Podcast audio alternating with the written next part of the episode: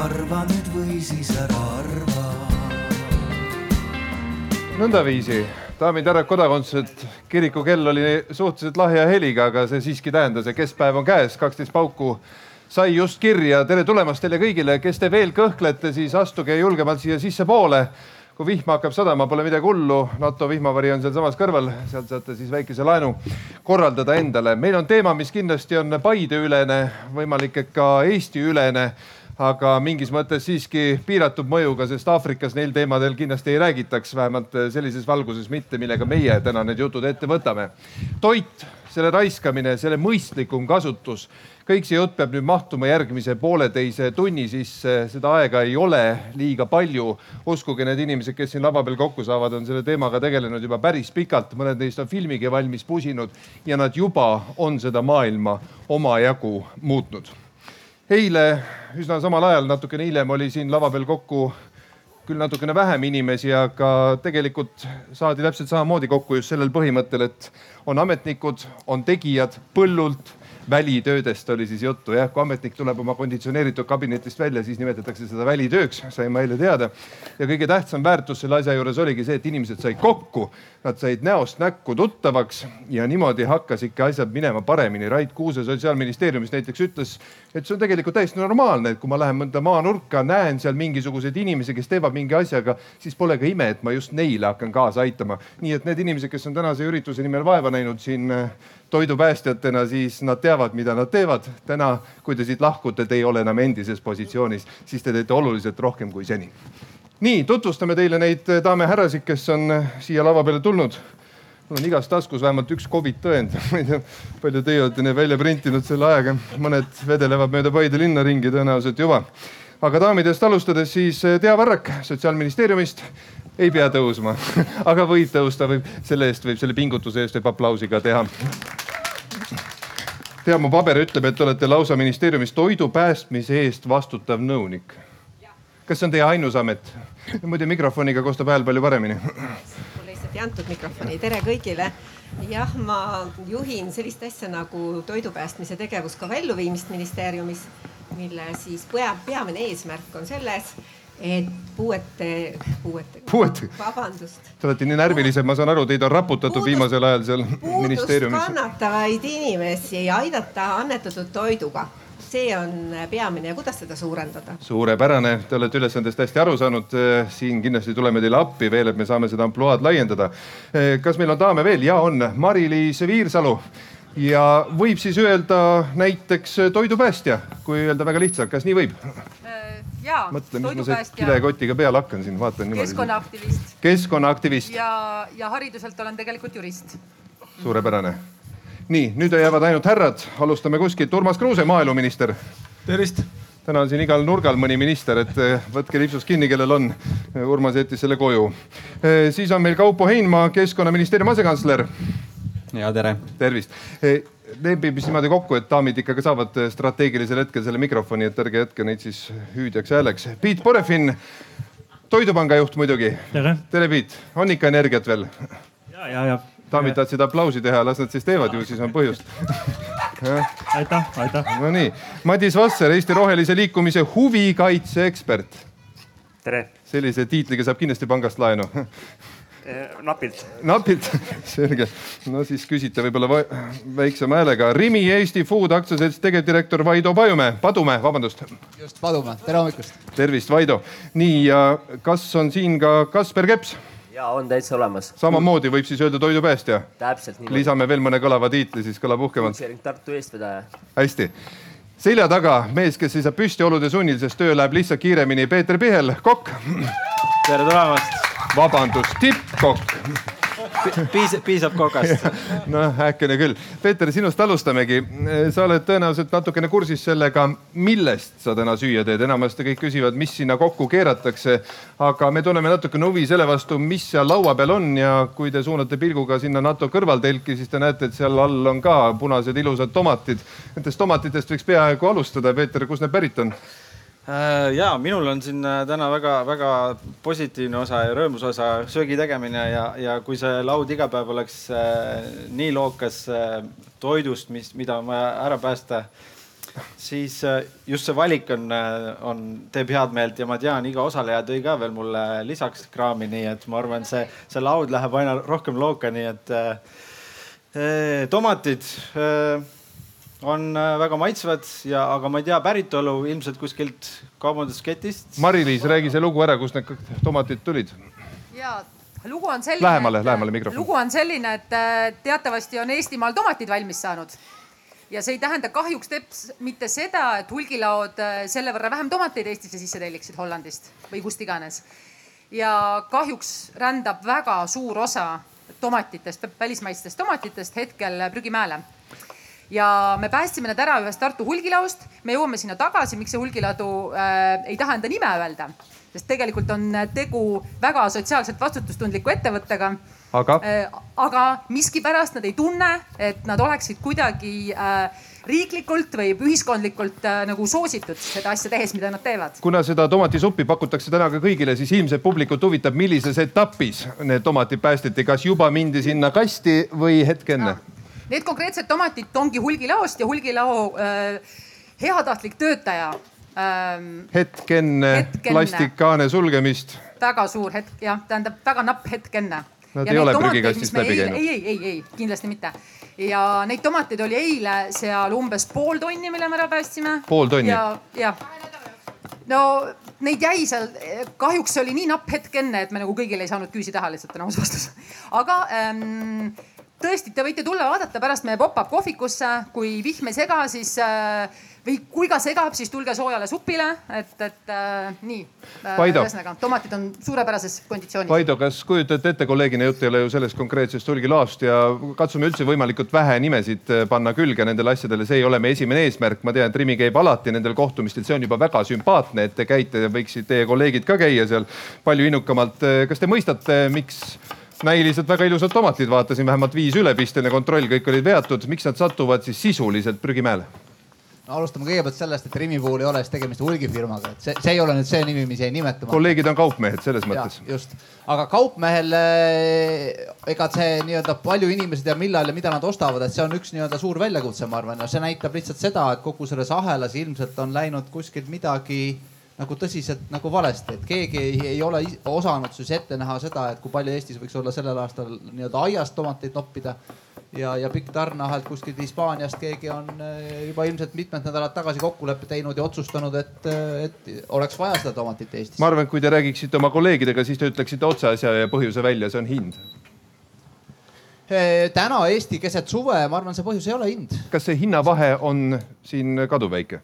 See hinnavahe on, kui Eestis on täna hooaeg ja, ja tomat, ma arvan, et see on selles mõttes see hinnavahe ei ole üldse nii, nii suur ja täna Eesti tomat suvel hooajal on see, mis ikkagi müüb väga hästi et pigem on siin ikkagi see, et, et kuidas suuta kogu need nii-öelda pikad ja keerulised ahelad nii-öelda panna tööle nii, et ennustada seda noh kogust ja, ja varusid õigesti. et ma ei usu ka täna seda, et selles hulgilaos keegi teadlikult nagu noh või, keegi nagu pahatahtlikult oleks tellinud rohkem selleks, et saaks selle tomati lõpuks ju prügikasti visata. Neile on see ka suur finantskulu. hästi, te ei saa tõesti rääkida teise hulgifirma eest, aga seda juhtub ju kõikidel kaubakettidel ka. kui kogemata tellitakse liiga palju, siis tuleb selline tomatisõbralik ilm, eks ole, meil on hästi palju tomatit, jääb üle. missugune on teie käsuliin, konkreetne tegevusplaan, mida te teete nende ülejäävate tonnidega? Tõesti on see, et ega jääb toitu üle ja ma arvan, et noh, ega asi saabki ju alguse ka sellest, et ega me kõik inimesena iga päev mõtleme, mida süüa, kus süüa. meil on järjelt elu läinud paremaks ja, ja ega see kaupmehele seda ennustamisest ei tee kõige lihtsamaks. et inimene, kui inimene oleks selline nagu talupoeg oli sada aastat tagasi, et ma sööngi ainult piima, leiba ja, ja, ja liha teatud koguses, siis oleks see ennustamine ilmselt väga lihtne hea küll, see on nüüd vabandus, et kuidas me ei oska planeerida kaupa. nõukaajal oli väga täpselt paigas, kõik, mis telliti, kõik söödi ära. ja, et mis ma tahan öelda, on see, et see, et ilmselt kuigi palju toitu läheb nii-öelda noh, jõuab sellesse elutsükli lõppu, on, on paratamatus. kuidas seda vähendada, seda peaksid nagu kõik mõtlema, kõik ahela osad tootjad, kaupmehed ja meie tarbijana kõik ise ka kodus. tulen küsimuse juurde tagasi. missugune on käsuliin siis, kui need tonnid tomatid jäävad üle? Siis hakkab ostu, ostuosakonnast keegi siis kõigepealt nii-öelda hinda alandama kliendile, et kui on näha, et see realiseerimine hakkab juba kukkuma, et selleks, et seda müüki siis võimalikult kiiresti veel ülesse saada. kui see viimane päev on kätte jõudnud, no siis me siis kaupluses toimetatakse selleks, et võtta kiirelt ühendust Toidupangaga. et sellele toidule siis anda veel viimane võimalus, enne kui see parimene kuupäev kokku nii-öelda või otsa lõpeb, et, et see on see kõige viimane päästmise samm. kas Rimi alandab täna üldse puu- ja juurviljadel hindu? ja ikka alandame, selles mõttes see, me näeme ju, kui suured meil on varud sees ja kuidas tooted liiguvad, selle järgi määratakse ka loomulikult hinda, et me iga, iga päev süsteem sisuliselt noh, ennustab seda, kui palju, milline saab olema järgmiste päevade müügiprognoos ja milline võiks olla hind, et see, et see suuta ära realiseerida. Tea, missugune ülevaade teil on sellest olukorrast, kui palju tegelikult läheb toitu kaduma ja, ja milline see seis hetkel meil Eestis on? no uuringud, mille kohta kindlasti Keskkonnaministeerium oskab rohkem, uuringud, mille kohta Keskkonnaministeerium oskab kindlasti rohkem rääkida, ütlevad küll seda, et hästi palju läheb kaduma ja, ja läheb kaduma ju kõige rohkem just kodudest. ja järgmisel kohal on siis äh, nii hulgi kui jaefirmad kui toitlustusasutused, aga me päästa suudame vähemalt annetuste jaoks mitte enam kui kakskümmend protsenti näiteks kauplustest toitu ja, ja tegelikult ei ole täna hetkel riigil üldse sellist tervikut ülevaadet, et äh, palju üldse annetatakse kokku, meil on ülevaade selle kohta, palju annetatakse Toidupangale kui meie partnerile. just ütlesite, keskkonnaministeeriumil justkui on need andmed mm,? Keskkonnaministeeriumil on uuringu andmed täpsed, mille järgi saab äh, välja vaadata selle, kus täpselt, kui palju siis nagu öeldakse, äraviskamisele on läinud. kas nüüd me olemegi selles olukorras, kus kolmkümmend aastat pärast riigi taasiseseisvumist hakkamegi rääkima sellest, et nüüd tuleb hakata olukorda kaardistama kõigepealt. teada saama, kus üldse, kui palju läheb, ametnikud jagavad välja oma ilusad pullad ja siis hakkab mingisugune tõmblemine peale kuskil koridorides. Märt, äh, elu on igapäevane seda ma näen, noored päästavadki toitu sealt tonnide kaupa. päästetakse toitu ja see on suurepärane, et meil on sellised algatused nagu food sharing ja toidukapid ja et meil töötavad toidupangad, kes, eks ole, võtavad kauplustest ülejääva toidu, mis on kvaliteetne ja need edasi annavad nendele inimestele, kes tegelikult vajavad seda. ja, ja seda tööd tehakse ja seda tööd tehakse igapäevaselt. lihtsalt tegevuskava näitab konkreetsemalt ära sellest mida kiiremas korras tuleb ette võtta, et aidata kaasa selle. ega need noored inimesed mitte midagi muud ei tahagi, nad tahavad, et riik oleks kaasas või vähemalt ei oleks jalus mõne asjaga, aga noored saavad ise täpsustada. ja täpselt, ma tahtsin tulla siia tagasi, et nagu noh, ma saan aru, väga tore, kõiki tegevuskavasid tehakse. reaalsus on see, kas neid täidetakse ka. see on see, et me oleme ise vabatahtlikuna, hakkasime neid kappe looma, tegema, kogukonna algatus, seal ei ole ühtegi organisatsiooni nagu ametlikult taga mis on tegelikult see olnud, mis viimase aastaga nagu reaalselt ära tehtud? hea küll. oota nüüd..., oota Märt, las ma vastan talle. reaalselt, mis on ära tehtud selleks, et päästa toitu?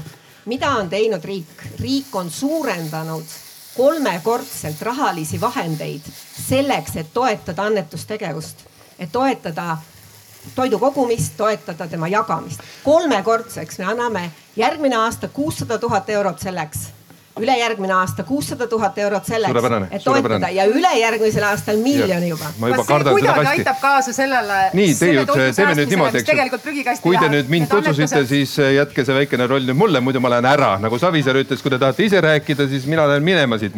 ma tahan nüüd, et see asi oleks natuke süsteemsem, rääkige nüüd palun, kuidas see kuussada tuhat jaguneb äh, meil on hanked, hanke võitja selgub lähema kuu jooksul ja tema ongi see roll. mida te hangite? me hangime seda teenust, et äh, aidata, et toetada puudust kannatavaid edendada, inimesi. parendada, aga mida nad konkreetselt teevad siis? Nemad konkreetselt on need, kes koguvad kauplustest ülejääva toidu, kvaliteetse toidu kokku ja jagavad selle puudust kannatavatele inimestele.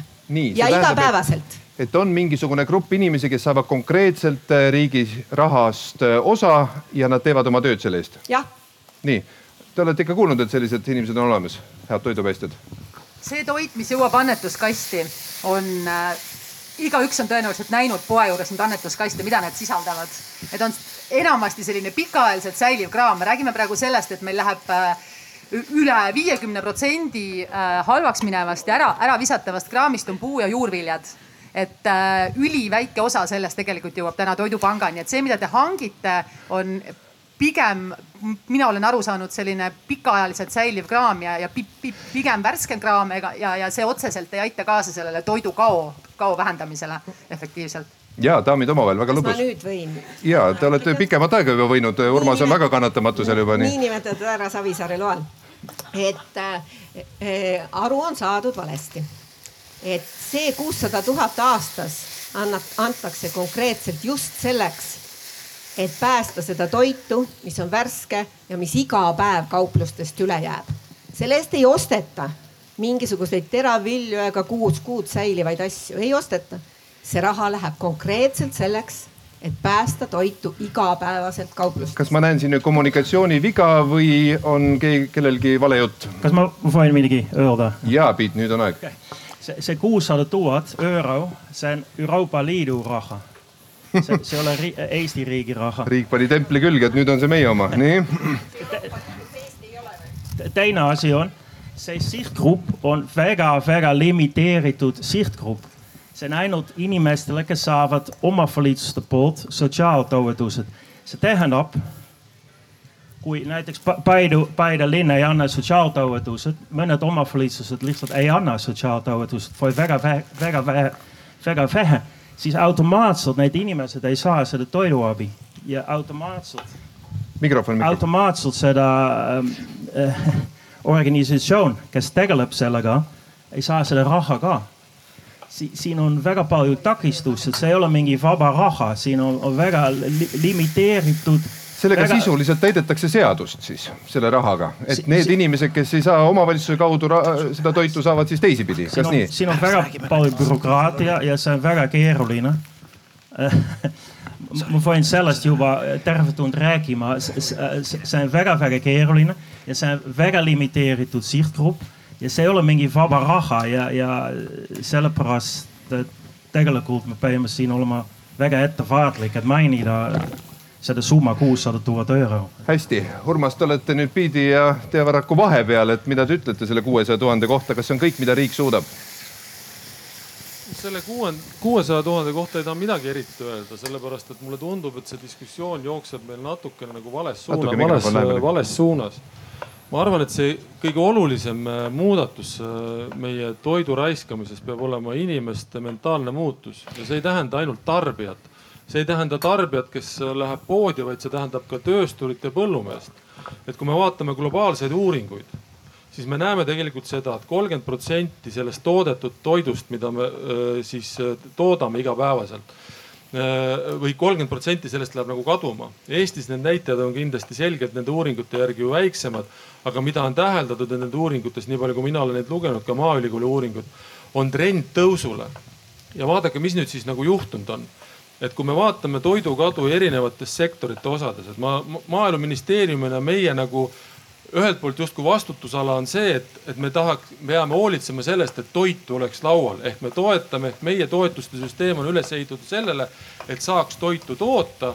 aga me ei saa öelda täna seda, et, et väheoluline on see, kuidas seda toitu toodetakse? Ja, ja selle tõttu, kui me vaatame neid äh, nõndanimetatud uuringuid ja soovitusi, siis sealt tuleb ju väga eri, erinevalt välja.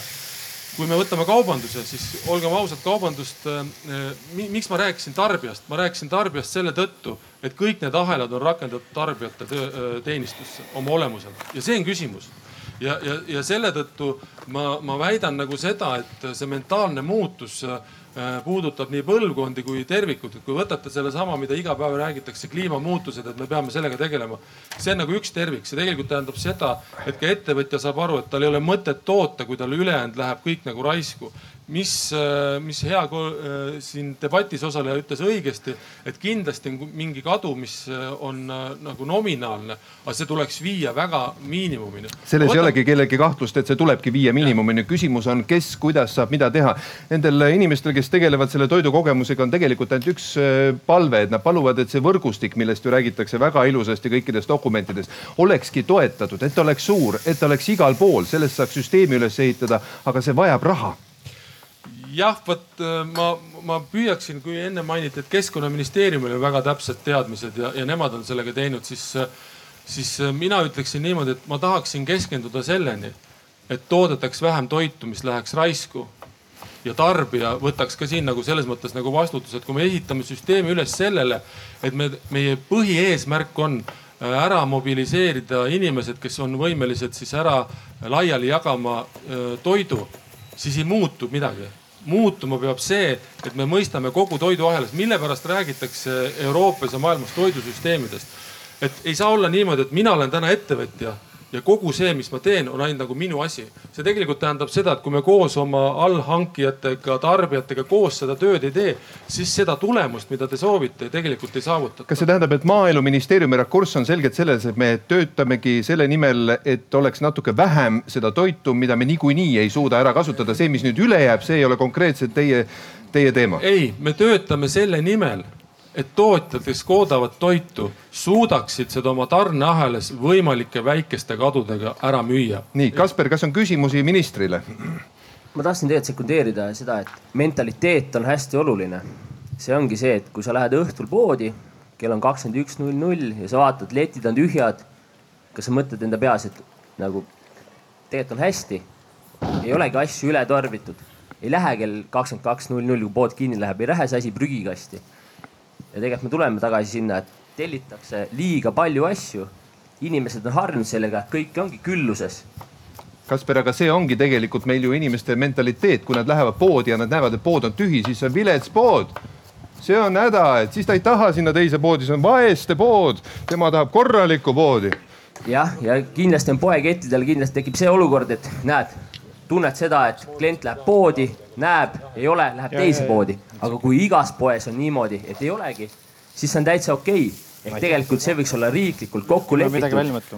mingid soodustused, mis ongi mingist kellast alates, mitte niimoodi, et näiteks Rimi teeb ühtemoodi, Maxima teeb teistmoodi, Selver kolmandat moodi Vaido, kas te kujutate ette, et on riiklikult lepitud kokku, et õhtul kell üheksa, see on siis tund enne viinamüügi algust või keeldu, keelu algust, eh, tulebki apelsinilt võtta maha viiskümmend protsenti? ei, päris seda ma ette ei kujuta, et eh, ma mäletan oma lapsepõlves, kui lusikale oli juba müügihind peale eh, nii-öelda trükitud sisse, et ma loodan, et me neid aegasid tagasi ei taha, kus riik ütleb, mis, mis peab maksma, mis kell ja kui palju, et et seda peab ikka suutma nagu turg ise reguleerida. ja kui Aga turg seda on, ei tee? ja tõsi ta on see, et me oleme nii-öelda noh, meile meeldib küllus ja ma saan aru ka sellest viimasest värskest uuringust, et tegelikult mida paremini on ka Eesti inimene elanud ja mida rohkem võib-olla meil ka rahakotis raha on, seda rohkem me kipume ka laristama ja, ja, ja seesama nii-öelda külluse ootus, et sa saad poest kõike igal kellaajal, noh, olgem ausad, see on tegelikult üks nendest nii-öelda mõtteviisidest, mida on vaja muuta. see on inimestele oluline siiski tänasel päeval, nad tahavad näha, et need viinamarja kobarad ulatuvad igast äärest alla. absoluutselt et sa ikkagi tahad näha seda, et sul on see külluslik poes, sul on see valik, sa ei taha seda, et sul on sinna jäänud kolm viimast nii-öelda leivatükki või, või saiapirukut, sa ei osta seda. suurepärane, siin kõik olid nõus sellega, et mentaliteeti tuleb muuta, aga üks moment, enne ma jätkan sedasama teemat, et kuidas siis saavutada see hetk, kuidas siis saavutada see viis, et nüüd hakkame teistmoodi nägema, neid viinamarju ei ole seal nii palju. mida me teeme siis, kas poed on selle teema läbi mõelnud või see on kõik selline hästi kauge aja muusika?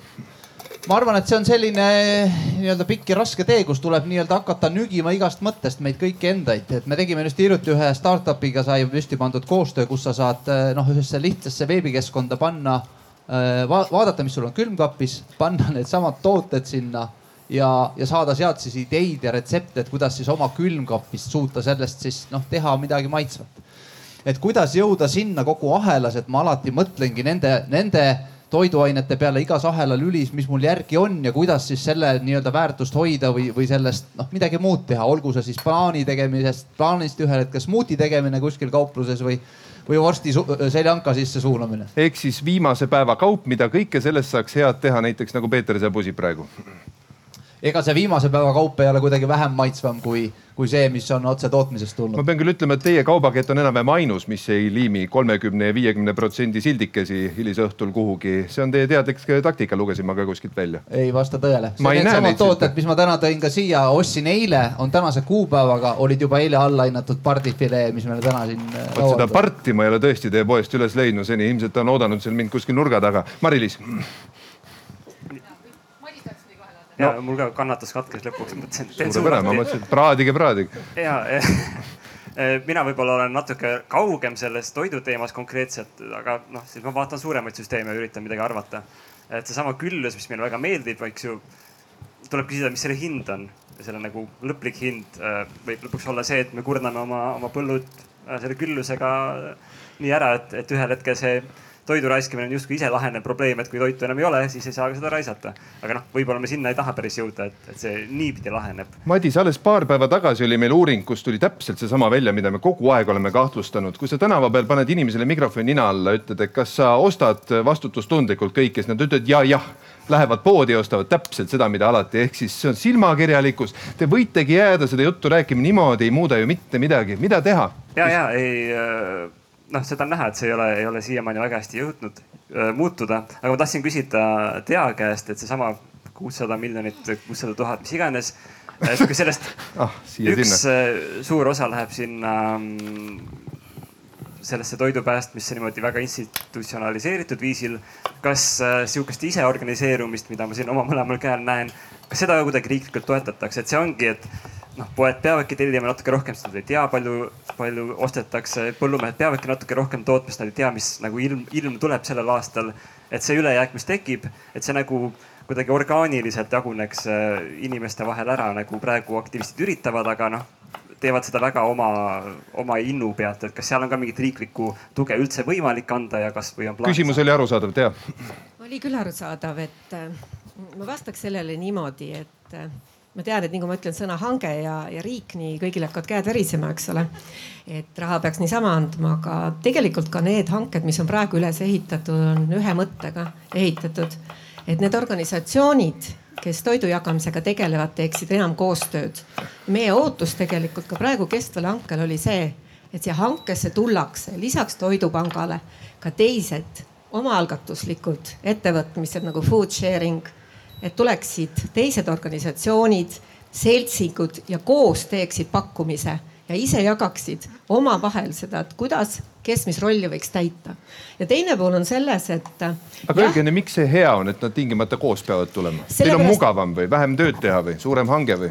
ei, miks te nii ütlete? ma küsin teie käest, minu ma... asi on ja... küsida, et teie saaksite vastata. aga mõte on hoopis mujal, et meil on kui siin Peet ütles ka, et, et sihtgrupp ainult üksikud saavad, siis riik selle rahaga mõtlebki seda, et lisaks toidu päästmisele see jõuaks nendeni, kes seda vajavad. kas täna see ei oot, ole nii oot, nende oot, inimeste puhul? täna me ei leia isegi kõiki neid inimesi üles, kes tegelikult vajavad, sest eestlane ise ei tunnista, et abi vajab. kuulge, isegi meie omavalitsused ütlevad, et nad ei tea, kas nende vallas on inimesi, kes vajavad sotsiaaltoetust. kas riik siis teab neid või need inimesed vähemalt proovivad omast initsiatiivist teada saada no,, kus need inimesed on? proovisingi öelda, et sellepärast me tahaksimegi neid kaasata. riik teeks. ei, me inimesed... tahamegi neid sellepärast kaasata, et nemad leiavad need inimesed üles. aga nad juba täna leiavad ja nad küsivad raha teilt selleks no,, et saaks oma võrgustikku laiendada. hankesse koos mõne teise. mulle tundub, et see vestlus triivi peale natukene niimoodi kalda peale, ma tahaks selle viia õigesse kohta äh....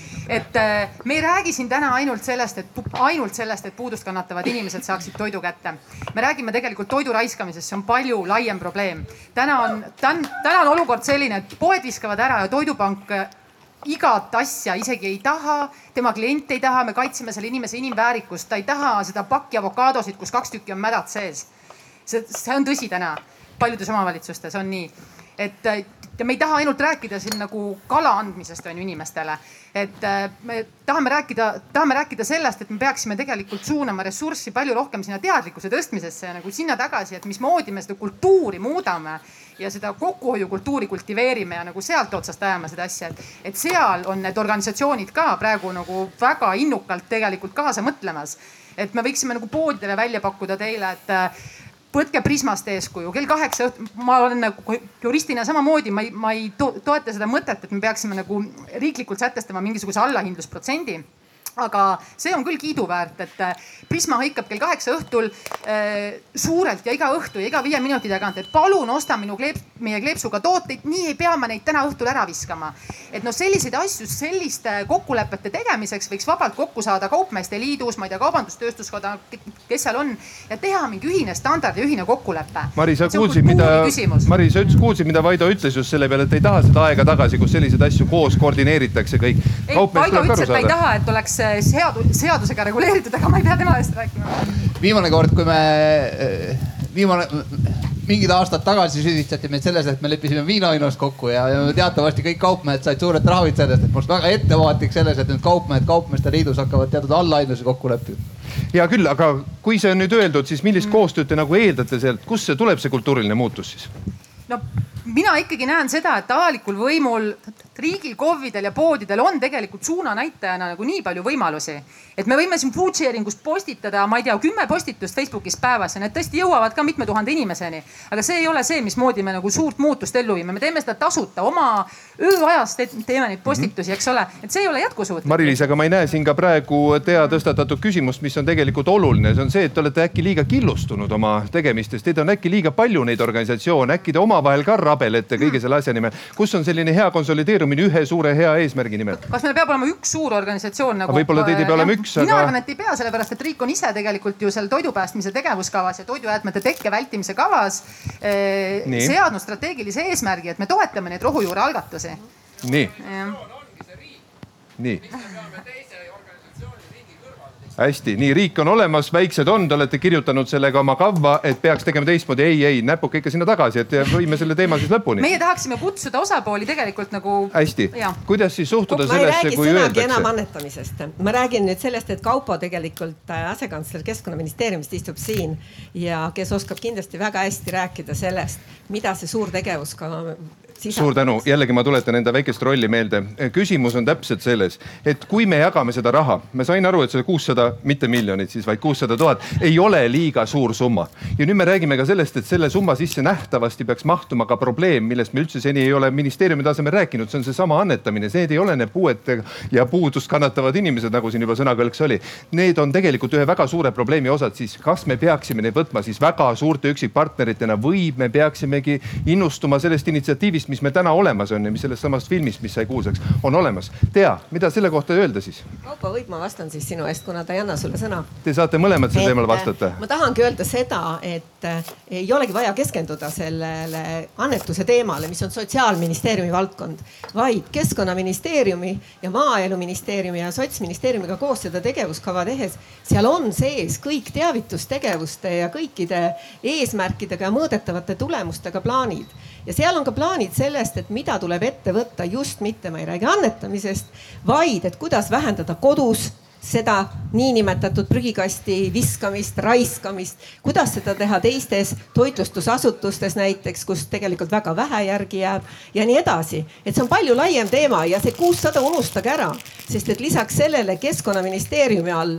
on palju KIK-is vahendeid ja kõike muud, mis toetavad just sellist rohelist mõtlemist ja selliste jäätmete vähendamise teemat. me ajasime jälle see teema väga laiaks, aga keskkonnaministeerium on tõesti saanud hääleharjutusi teha mõttes. räägime siis, nendel inimestel tegelikult on üks äh, sama probleem, nad ütlevad, et nagu arengukava vorbitakse, aga seda reaalset toetust, et nad saaksid oma tööd teha, seda nagu ei ole. mida ütleb keskkonnaministeerium, ma saan aru, maaeluministeeriumil ei ole annetusteema, ei ole sotsiaalministeeriumil, järelikult keskkonna ministeerium siis peab hoolitsema selle suure valdkonna eest ja eks ta nii ongi, et keskkonnaministeerium tegeleb kõigega, et kui probleem on, siis me loome, lööme käega külge ja, ja aitame ära lahendada, et tõsiselt rääkides, siis eh, nii nagu Tea ütles, et tegelikult eh, on meil eh, väga tugev koostöö ministeeriumite vahel, aga mitte ainult. et kui me tegime seda tegevuskava, ma ei taha tegelikult mingist tegevuskavast üldse ei tahaks rääkida, siis seal oli kaasamist üle saja erineva partneri oli väga palju erinevaid kohtumisi, et saada tegelikult seda informatsiooni. ma tuleks korra tagasi tegelikult ühe teema juurde, mis on see, et andmed, et mis läbi siit käis ja keskkonnaministeerium teab, nelikümmend kaheksa protsenti toidujäätmetest tekib kodumajapidamistes. see on kuuskümmend seitse kilogrammi aastas, see on üheksakümmend seitse miljonit eurot. et kui me mõtleme seda, et inimesed viskavad ära ligemale saja euro eest inimese kohta äh, toitu ära, siis see on väga suur kogus et me praegu oleme keskendunud ainult sellele, et, et poodides annetamine aga tegelikult on meil see probleem palju laiem ja see ongi ühiskondlik probleem, et, et kuidas hakkama saada, kui rääkida seda, mida riik on teinud, et siin oli kuuesajast tuhandest juttu. meil tuli ära olnud, unustada. just, meil on olnud eelmine aasta kampaania, sellel aastal teeme ka Austa toitu jäägitult. Minu arvates väga vajalik pidevalt inimestele ette, ette sööta nii-öelda uuesti, et olete te ikka mõelnud sellele, et see teravili, millest on sai tehtud, on kasvanud põllu peal. see kanafilee, mis teil ära ei kulunud, oli tegelikult üks elus kana et inimestele tuleb seda sõnumit pidevalt viia, et ja, ja selle peale me kulutame vahendeid me oleme aidanud äh, Toidupanka Keskkonnainvesteeringute Keskuse kaudu äh, külmaauto äh, soetamiseks. meil on uuest Euroopa Liidu finantsperioodist ette nähtud ringmajanduse peale sada üksteist miljonit, millest on mitmed miljonid, mis puudutavad just toidu, tähendab siis jäätmeteki vältimist et kõik neid vahendeid on ja me koostööna peame leidma kõige otstarbekama viisi selle. taevale tänu, te lõpuks toote midagi käegakasutavat lauale. tegelikult kampaaniad olid ju täpselt needsamad asjad, mida te ka ootate. Kasper, kas selline kampaania, nagu just mainitud sai, on see see, mida te peate vajalikuks, otstarbekaks? jah, kindlasti, aga ma tahtsin tulla selle mentaliteedi juurde ja see, kuidas väikeste asjadega saab mentaliteeti muuta. Anna tegi filmi, film, mille eelarve oli väga väike arst väik-, väiksem kui mõne ametniku palk võib-olla isegi. ja kui palju inimesi Annale pärast seda kirjutas, et oh kui äge, kus ma saan ka, et ise kogukond teeks seda. alati nagu raha ei ole see, noh jah, tegelikult riigil on raha, kui suunata õigetesse kohtadesse ja teavitustööd teha. võib-olla neid toetada filme, mingit sihukest teavitust, mis jooksebki meedias, sotsiaalmeedias. see on nagu see, et läheme tagasi mentaliteedi juurde et kogu aeg kerib, siis mentaliteet võib-olla inimestel muutub. hea küll, aga kas te olete ise süsteemselt lähenenud sellele, et teil on täpselt need asjad ka paberi peal, mida te tahaksite teha, see tegu, see tegu, see tegu. suurepärane, väga väikese rahaga ka veel, eks ju, selle eest saaks mitu ametnikku, mitu ministeeriumitäit ametnikku elatada, eks ole. kas teil on see olemas? ja, täitsa olemas. mis te siis ootate? No kui on see koht, siis räägime kohe praegu, aga räägime niimoodi, et üks mikrofon tuleb ka siia juurde ja võtku keegi teine see filmimine üle, ilmselt see on ka tähtis okay. ja ma tahtsin öelda, et äh, mille üle mul endal on väga suur rõõm, on see, et on tekkinud väga mitu tugevat kogukonda ja nende kogu, kui see on kogukond, näiteks Võromaa Vastseliina kogukonnast rääkides, seal on vähemalt äh, sada viiskümmend inimest, kes äh, tegelikult mitte lihtsalt nad ei päästa seda toitu, äh, teevad ja täiesti vabatahtlikult, vaid nad ka tõstavad teadlikkust. et mina arvan, et riik võiks kindlasti panustada just sellistesse kogukondadesse, eh, kes niimoodi aktiveeruvad, nad on valmis tegema MTÜ. Nad, nemad muudavadki sedasama teadvust. Hanna Toim, ma oponeerin just niipidi, et Gerd Kanter ütles kunagi, et kui sa tahad sportlase ära rikkuda, siis osta talle BMW.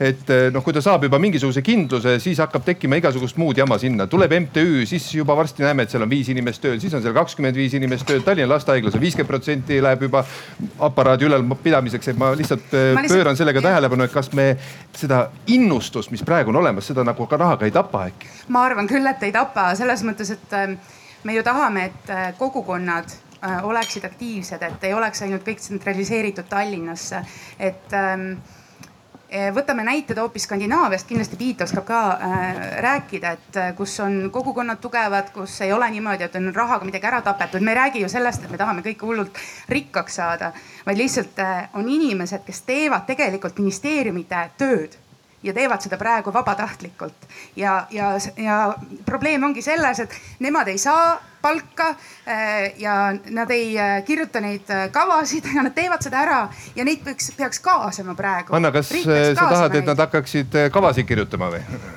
kusjuures nad kirjutavad kava, isegi Vassel ja Vasseliina kogukond näiteks praegu, ma arvan, et Aida võib-olla saab ka rääkida täpsemalt, on kirjutanud kavasid, teeb pilootprojekti kuidas tegelikult äh, suur äh, pood, siis Rimi ja kogukond ja Toidupank, nad teevad koostööd, see on suurepärane. Ja nad on valmis kirjutama ka kavasid, kui on vaja. aga et see kõik ei peaks olema nii, et on üks, kas Toidupank või mingi teine, üks MTÜ, ei, need on üle terve Eesti, igas kogukonnas, me tahame, et elu säiliks ja me tahame, et see ei oleks ainult niimoodi, et et äh, kuskil on mingid ministeeriumid, come on, me oleme nii väike riik, me oleme nii pisikesed, tuleme kokku ja teeme koostööd, ma ei saa üldse aru, milles on küsimus. kas asi on siis pigem selles, Anna, viimane küsimus, kas asi on pigem selles, et meil rakukesed tegelikult võiksid olla väga hästi iseseisvad ja tugevad, ei pea olema tingimata üks suur MTÜ, vastupidi, see väike ja. töötab ja elab paremini. ja kui te tahate seda, et see kõik nagu äh, uppi lendaks ja tekiks sihuke korruptsioon ja kõik need halvad näited, äh, mida sa ennem Märt ütlesid, siis jah, teeme ühe suure Eesti MTÜ see on täiesti, vabandust, aga minu jaoks loll mõte. see ei ole jätkusuutlik, et võtame nüüd need äh, MTÜ, võtame need kogukonnad äh, toetame neid ja kõik seesama teadlikkus ka ju selle kaudu kõik tõuseb, noh. palun, inimesed on olemas toetame mitte sellega, et me, me kanname kuhugi musta auku raha, vaid toetame sellega, et kui nad tulevad hea ideega, neil on videoklipi idee, kuidas teavitada, kuidas nagu ma ei tea, ujutada üle ETV väga lahedate klippidega. et äh, siis äh, Maris, oled sa aru saanud, et siin laua taga või siin istub praegu inimesi, kelle poole nüüd tehakse nagu ka pöörduda, kes tegelikult ka need äh, avaldused nagu vastu võtavad, kas meil selline kapital on kuskil olemas, kas selline mulje on?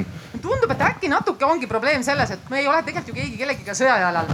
et need, kes, need inimesed, kes käisid selle toidu päästmise, toidujäätmete tekke vältimise äh, kava kahel ümarlaual, mis tõepoolest toimusid eelmisel aastal, kuus lausa, no vot et, et need kogukonnad tegelikult on ärganud suhteliselt äh, hiljuti, siis jaanuaris pärast seda filmi tulekut on toimunud nagu meeletu hüpe teadlikkuse tõusus. et äh, ma arvan, et need inimesed, kes teiega olid sel hetkel kaasas, ei, ei ole üldse needsamad inimesed nii, oota, millest ma pidin rääkima? ja, Piet. ja, Kaspar äh, rääkis mentaliteedist ja, ja siin mina tahan kiita Rimi, sellepärast Rimi andis meile eelmine aasta kaheksasada tuhat kilo toit mis on umbes nelikümmend protsenti üldse meie toidukäibest. see on väga hea näide, kuidas üks, üks kauplus, üks firma saab, saab väga palju head teha keskkonnale ja inimestele. ja meil oli pool, pool aastat tagasi, meil oli konverents seal Tallinnas. Te olite ka seal? olin, olin. jah. Teie abielu selgus juba seal, et see on väga teie, truu ja ilus te,. Teie küsisite kaks korda Maxima käest, kas teie annate Toidupangale ja kaks korda Maxima Nad ütlesid ja me anname, tegelikult nad ei anna mitte midagi. kas te teate? see on mentaliteet, mentaliteet näitab, et kui, kui firma juht või firma ähm,, ma ei tea, mentaliteet on õige siis nad, nad annetavad ja siis nad teevad midagi hea. ja kui firma juht annab, et äh, ainult raha lauab, siis tegelikult nad ei anna mitte midagi, sellepärast see on nende jaoks lisatöö ja lisatöö, see, see, see, see tähendab lisakulu just, mentaliteet on teema, millest me kahjuks võiksime hästi pikalt rääkida ja kõigil oleks õigus, mida iganes nad ka sel teemal ei ütle. aga me räägime ikkagi käegakatsutavatest asjadest. teate, mis tuli välja ühe olulisema põhjusena seal pool aastat tagasi või oli see natukene varem? miks toitu visatakse lihtsalt ära, kui nüüd tulla tagasi selle juurde? põhjus oli see, et prügivedu on liiga odav inimestel on mugavam visata see tomat sinna minema, kui hakata jamama. kas see on nüüd keskkonnaministeeriumi pädevuses küsimus? ja ilmselt on äh, prügivedu odav, aga ilmselt on ka äh, toit odav, et ma võtaks ikkagi teistpidi, et. Äh, kas toit on et, odav? et, et kui inimene ostab endale tomateid, mida ta ära ei kasuta ja ostab seda poest, mitte ei kasvata, siis, siis järelikult on inimesel lihtsalt kas liiga palju raha, et raisata poes tomati peale, mida ta ära ei söö või, või siis teistpidi ta ei oska planeerida. sellest me juba rääkisime, aga räägime prügihinnast nüüd. prügihinnast rääkides, siis prügi on kindlasti odav, et mina elan kortermajas kahetoalises korteris ja ma maksan alla nelja euro äh, kogu äh, siis äh, jäätmeveo eest. ja biojäätmed ma loomulikult panen eraldi, kahjuks tekitan ka, ka toidujäätmeid, aga ma tooks selle, et me ei saa alati inimesi süüdistada, me ei saa alati kaubanduskeskusi süüdistada. võin tuua näite. eile soovisin teha kanafileed, mis on tänase kuupäevaga ehk tal oli veel poolteist päeva minna, aga see kanafilee ei kõlvanud enam süüa lihtsalt sellepärast, et et ma ei tea, kas ta oli eh, halvasti. kahtlemata te saite hingelise selline... trauma, teate, on võimalik ka täiesti kõlblikku toitu osta niimoodi, et see sünni süüa. ma tahan lihtsalt seda ütelda, et tihtipeale me ei saa midagi muud selle jaoks teha ja see on paratamatus, aga me saame palju teha ja jäätmekäitlus peab olema ka mõistliku hinnaga. minu küsimus ongi see, mida te saate teha, mida tähendab mõistlik hind olukorras, kus te ise kurdate, et te maksate ainult neli eurot. teate, tavaliselt riiki ei pea innustama makse tõusma, makse tõstma, aga praegu on selline omapärane olukord, et kuidas teha see võimalikult ebamugavaks. ma küsin selle küsimuse, ärge minge oma eilse kanafilee juurde. ma, ma ikkagi selles mõttes äh, tahaks ütelda, et see ei, ei, öelge selle kohta palun. teema, et, et kuidas, kuidas vältida, aga ma toon äh, siis äh, näite sellest, et miks jäätme hind on liiga odav kui äh, Haapsalu linn näiteks soovis äh, jäätmekäitlushinda tõsta, siis toodi välja, et see oli vist seitsekümmend protsenti tõuseb. ja tegelik oli see, et ta jäi ikkagi endiselt alla ühe euro. Rakvere linn äh, soovis tõsta jäätmekäitlushinda või, või hanke tulemus oli kallim üle saja protsendi oli, oli tõus, aga nominaalselt oli see alla euro inimesed lihtsalt ei ole valmis maksma ja poliitikud, eriti kohalikul tasandil, kuna see on kohaliku tasandi võimalus, sest riik ei ole ette nii-öelda öelnud, milline on miinimumhind siis kohalikud omavalitsused ja nende poliitikud ei ole valmis. omavalitsuspoliitikud loevad seadust, kui seal on midagi kirjas, mida nad tegema peavad, siis on teine asi. seadustele on kiirpääs valitsusel ligi. Urmas kas peaks olema see prügihind kuidagi mitte kõigile inimestele, meil on ju inimesi, kes ei saa sellegi raha maksmisega hakkama, aga kuidagi olema niimoodi reguleeritud, et see ei oleks vähemalt motiveeriv, et tomat läheb prügikasti? Ausalt, mina isiklikult jään selle väite suhtes väga neutraalseks ja ühel lihtsal põhjusel, et kui te lubate mul natukene nüüd rääkida, siis ma arendaks ühe mõttearenduse. kui see puudutab teemat muidugi. see puudutab teemat jah, see esimene asi on see, et äh, mitte mingisugust head tulemust ei saavuta, kui me tõstame lihtsalt eri tasandeid enda vastu, on see mikrotasand, kogukonnad, äh, valitsus, äh, ministeeriumid, omavalitsus. Neid omavalitsusi, kes ei tea päriselt, et nende kodanikud on hädas, nende hulk on väga väike ausalt öeldes, kui me räägime statistikast, aga kuhu ma jõuda tahan, ma tahan öelda seda, et äh, oma esivanemate ja vanavanemate kaudu mäletame ühte asja, et kui leib kukkus maha, siis tuli talle suud anda.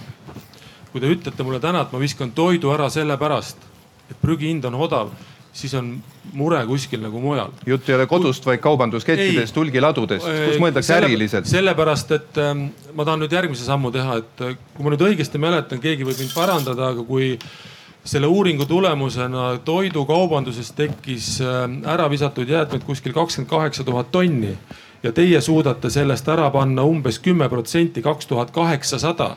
Siis te saate aru, et kui me paneme sinna kõrvale tööstuse, põllumajanduse, siis kogukonnad ei suuda iialgi seda probleemi ära lahendada sellepärast on vaja lahendada, tulla mastaapsemalt ja igal tasandil on oma roll ja sellel juhul ka kogukondade võimekus läheb täiesti sajaprotsendiliselt õigesse kohta.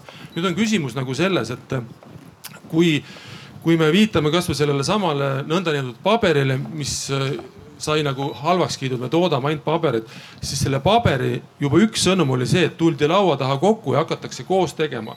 mida see tähendab, seesama film, mida siin on mitu korda tsiteeritud, tõepoolest selle filmi ahhaa-efekt ka personaalselt inimestele oli väga äge, kes seda filmi nägid. mitte see, et me peaksime niimoodi elama, vaid me hakkame mõtlema et mis meie ümber toimub. selles ei kahtle ju keegi. ja, ja, ja seetõttu ma tahan öelda seda, et mina näen, mina olen siin selles mõttes optimistlik ja miks ma olen optimistlik. kui te võtate kasvõi kaubandust, kus käib meeletu hinnasõda, siis lõppkokkuvõttes kaubandus saab toitu kergekäeliselt, ma nüüd utreerin, ilma et ma võtaks selle rolli ära visata siis, kui sellega tal ei kaasne justkui mingit kulu.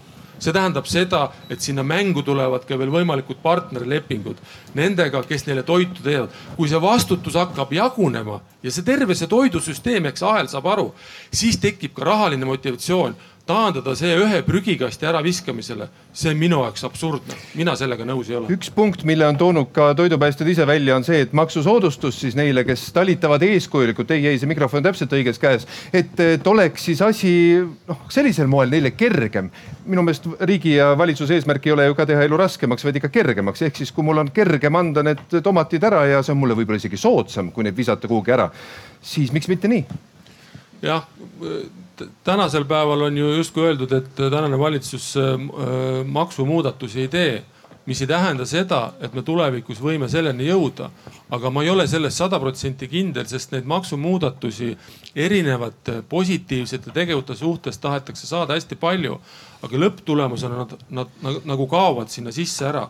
seesama, seesama näide, lihtne näide, et mida, mida me oleme püüdnud inimestele selgitada, et te ütlesite, et maaeluministeerium justkui ei huvita annetus. tõepoolest annetus kui formaat ei ole otseselt meie haldusala küsimus, aga see ei tähenda seda, et me ei taha selle raskelt toodetud toidu eest vastutada koos vastavate ministeeriumitega, kes võib-olla sotsiaalsemalt selle eest vastutavad. aga ma toon teile selle, toon teile selle sama, sama näite, et parim enne ja kõlblik.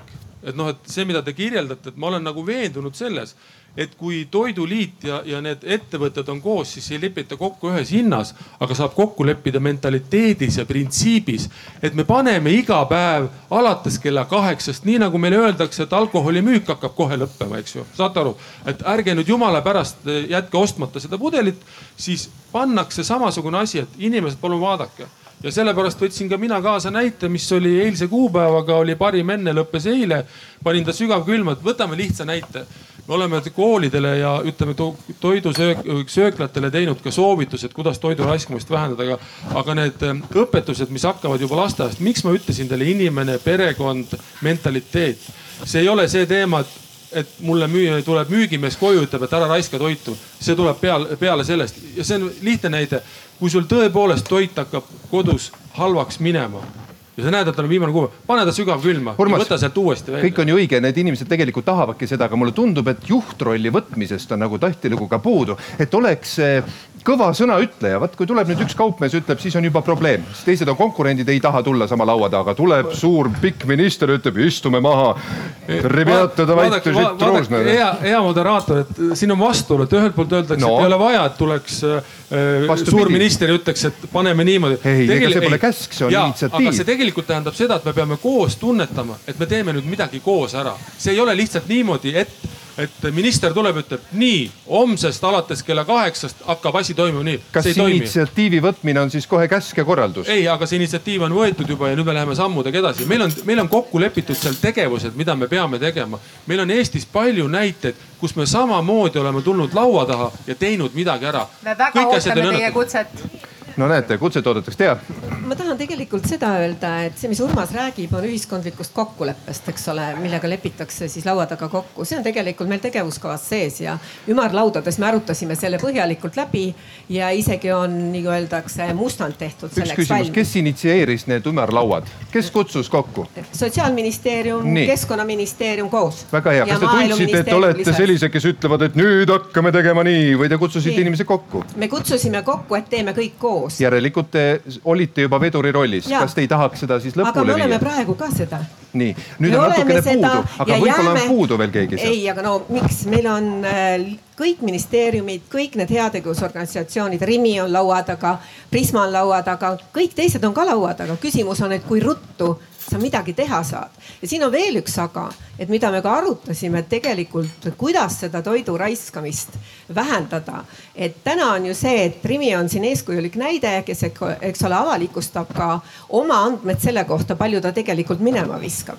aga ülejäänud kaubandusketid isegi ei avalikusta neid andmeid. kuidas me saaksime neid panna seda tegema? sellesamase ühiskondliku kokkuleppe kaudu on seda teinud on? paljud riigid ongi olnud see, et võetakse, kirjutatakse alla dokument, et sellest kuupäevast näiteks avalikustavad allakirjutajad oma andmed, palju nad viskavad toitu ära. mitte ühte sõna ei ole vastu öelda, nüüd ongi küsimus, kuidas me jõuame selle leppeni, kuidas teile tundub, Rimi, kas Maxima on täna valmis selleks ja ükskõik missugune muu kett, nemad ei pea ainult siin risti peal kõlkuma, et nad on valmis kirjutama sellele alla? Me oleme teinud selle üleskutse, et no., et, et noh, näitame kõik, kui palju me kogu ahelas seda no. toidukodu täna on. paraku ei ole see initsiatiiv veel eest. no aga siis ei ole ju mõtet et... rääkida sellest, et tehtagu, teeme, tegevuskava toetab, nii edasi. kuidas jõuda selle kokkuleppeni? see, mida ka ühiskonna käest võiks küsida, on see, et kas, kas sa tahad käia näiteks poes. no mis tead, tähendab, et ei, pöördume ühiskonna annet, poole? kes ei anneta toitu. see on nagu anname rahvale riigi tagasi, no see on täpselt samasugune. inimesi, kellele see läheb korda ja kellele see ei lähe. me ei saa vaadata ju monoliit poliitsena seda Aga ühiskonda. lõpuks on ikkagi nii, et ega kui ühiskondlik nõudlus on olemas, kui inimesed hääletavad jalgade ja rahakotiga, siis tegelikult on see, on see jõud, mis paneb asjad liikuma. selles mõttes ei saa seda kuidagi vähe. järelikult, kui see täna ei liigu, siis see pole ühiskonna huvi. järelikult ei ole ühiskonna huvi piisav. kas me peaksime seda kiirendama?